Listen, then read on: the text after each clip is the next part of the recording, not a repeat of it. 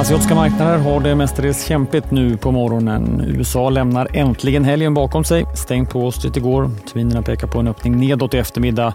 Konjunktursignaler från inköpschefer står på agendan idag när Stockholmsbörsen ser ut att öppna i sidled.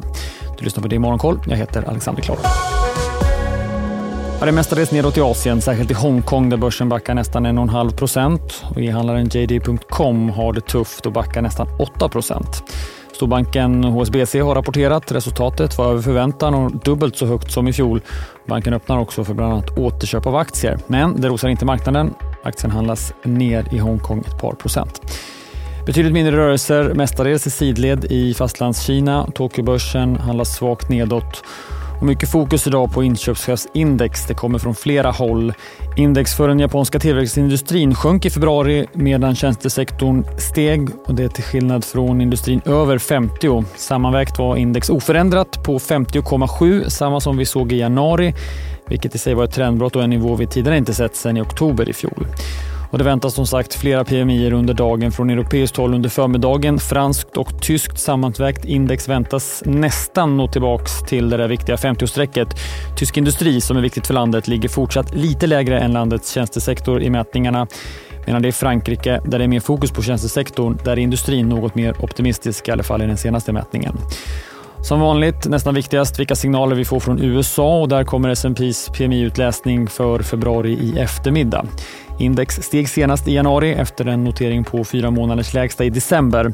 Och nu väntas både industri och tjänsteindex komma upp ytterligare, båda till strax över 47. Tillbaka till Asien och räntesignaler från Australien. Landets centralbank övervägde att höja räntan med 50 punkter senast, men landade till slut i 25 punkter. Det framgår av mötesprotokollet. En paus i höjningscykeln var inte aktuell då ledamöterna i centralbanken bedömer att inflationen man ser är både bredare och mer uthållig än vad centralbanken tidigare spått. Till Europa så. EU kommer att hinna anta det tionde sanktionspaketet mot Ryssland innan veckan är slut och före kriget i Ukrainas årsdag nu på fredag. Det här sa EUs utrikeschef Josef Borrell igår efter möte med unionens utrikesministrar. Flera norsklistade laxbolag har släppt rapporter nu på morgonen. Leroy och Backafrost missade båda förväntningarna något. Leroys resultat var också något lägre än i fjol medan Backafrost ökade det operativa resultatet med nästan 200 procent. Sverige så efter att det lilla kraschade miljöteknikbolaget Swedish Sterling i helgen meddelat att man ska genomföra en ordnad avveckling och vi såg kursen utraderas igår så kommer nu beskedet som väntat också att vdn får lämna. Det lilla forskningsbolaget IRLAB säger också upp sin vd efter den senaste studiemissen. Flera rapporter idag, bland annat från fastighetsbolaget Corem. Desto fler rapporter imorgon onsdag. En rapportmorgon att se fram emot i DTV som startar klockan halv åtta. Idag startar Börsmorgon som vanligt kvart i nio och programmet finns också som podd från klockan elva. Senare under förmiddagen ser vi fram emot mer data från Europa, förutom PMI. Då, tyskt SEV-index som stämmer av sentimentet hos investerare och där väntas fortsatt något bättre utsikter. Förhållandena här och nu är fortsatt nere på negativa nivåer medan utsikterna ett halvår framåt gick från negativa till svagt positiva i den senaste mätningen, vilket i sig var första gången på nästan ett år.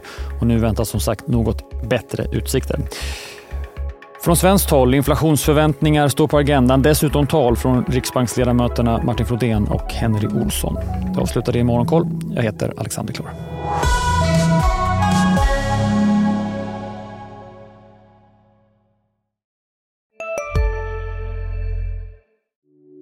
Hej, Ulf Kristersson här. På många sätt är det en mörk tid vi lever i. Men nu tar vi ett stort steg för att göra Sverige till en tryggare och säkrare plats. Sverige är nu medlem i Nato. En för alla, alla för en. Vi är specialister på det vi gör, precis som du. Därför försäkrar vi på Swedea bara småföretag, som ditt.